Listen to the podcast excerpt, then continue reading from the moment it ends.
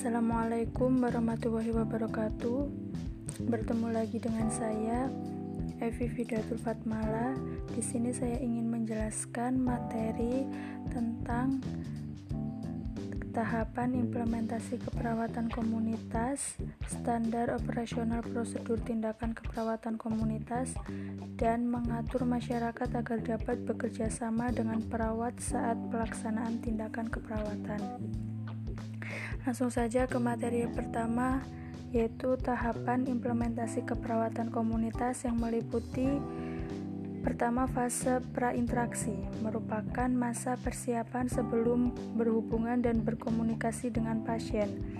Hal yang perlu dilakukan pada tahap prainteraksi antara lain yang pertama, evaluasi diri dengan mengajukan pertanyaan kepada diri sendiri seperti apakah saya memandang individu secara stereotip, bagaimana pengalaman interaksi saya dengan pasien, bagaimana saya menghadapi pasien yang sedang marah, sedih, dan kecewa, dan bagaimana respon saya selanjutnya jika menghadapi pasien. Yang kedua adalah mengumpulkan data pasien untuk menemukan berbagai informasi seperti kondisi maupun perkembangannya. Yang ketiga adalah rencana interaksi pertama dengan pasien. Pada tahap ini, perawat perlu mempersiapkan rencana percakapan, teknik komunikasi, dan teknik observasi selama percakapan berlangsung menurut Keliat Akemat Helena dan Nurhaini 2007. Yang kedua adalah fase perkenalan atau orientasi, merupakan pertemuan pertama perawat dengan pasien. Pada tahap ini, perawat perlu menemukan hal yang menjadi permasalahan pasien. Perawat juga berusaha membangun hubungan baik agar tercipta rasa saling percaya. Menurut Keliat Akemat Helena dan Nurhaini 2007. Hal yang dilakukan pada tahap perkenalan atau orientasi adalah memperkenalkan diri, mengevaluasi kondisi pasien, dan menyepakati kontak mengenai topik yang dibicarakan, tempat, waktu, dan tujuan. Yang ketiga adalah fase kerja. Pada fase ini, perawat membantu mengatasi kecemasan yang ada dalam diri pasien dengan memberikan mekanisme coping. Selain itu, perawat juga memberikan edukasi kepada pasien dengan menghubungkan persepsi, pikiran, perasaan, dan tindakan. Yang keempat adalah fase terminasi, merupakan akhir dari pertemuan perawat dengan pasien. Pada tahap ini, perawat mengevaluasi pencapaian tujuan secara objektif dan evaluasi terhadap hasil tindakan yang telah dilakukan. Menurut Keliat Akemat Helena dan Nurhaini 2007, terminasi dibagi menjadi dua, yaitu terminasi sementara dan terminasi akhir. Pada terminasi sementara, perawat akan bertemu lagi dengan pasien pada waktu yang telah disepakati dengan membuat rencana tindakan lanjut dan kontrak waktu. Namun, pada terminasi akhir, perawat dan pasien tidak menemukan kembali waktu pertemuan karena pasien telah mampu menyelesaikan masalahnya. Lanjut saja ke materi selanjutnya adalah standar operasional prosedur tindakan keperawatan komunitas.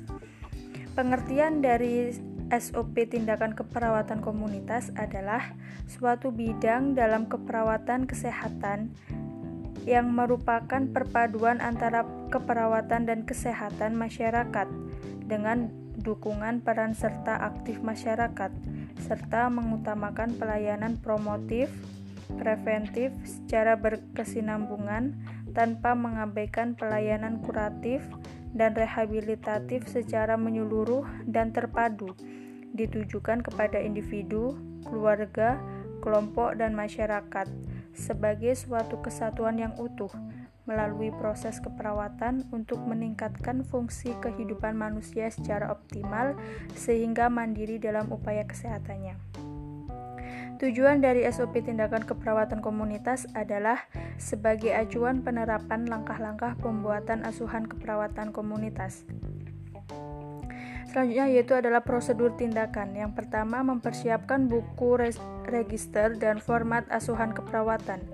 Yang kedua, petugas mengumpulkan data baik dalam gedung dan luar gedung.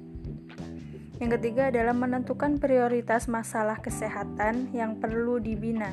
Yang keempat adalah menentukan prioritas sasaran yang perlu dibina meliputi bumil dan bufas rawan, bayi resti, lansia, TB, kusta, dan kasus penyakit lainnya.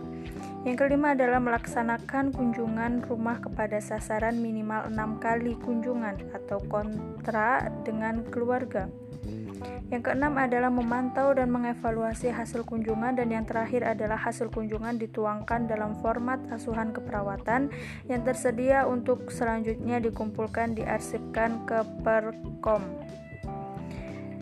Unit terkait yaitu Posyandu, Bidan Desa dan program terkait. Lanjut saja, yang materi terakhir adalah mengatur masyarakat agar dapat bekerja sama dengan perawat saat pelaksanaan tindakan keperawatan. Dalam menjalankan praktik keperawatan komunitas, perawat memerlukan kemampuan khusus dan kepedulian sosial yang mencakup keterampilan intelektual, teknikal, dan interpersonal yang tercermin dalam perilaku caring atau kepedulian dalam berkomunikasi dengan orang lain. Perawat yang memiliki keterampilan berkomunikasi secara terapeutik tidak saja akan mudah menjalani hubungan rasa saling percaya dengan klien, mencegah terjadinya masalah legal, memberikan kepuasaan profesional dalam pelayanan keperawatan, dan meningkatkan citra profesi keperawatan. Tetapi yang paling penting adalah mengamalkan ilmunya untuk memberikan pertolongan terhadap sesama manusia. Sekian penjelasan dari saya. Apabila ada salah kata, saya mohon maaf. Wassalamualaikum warahmatullahi wabarakatuh.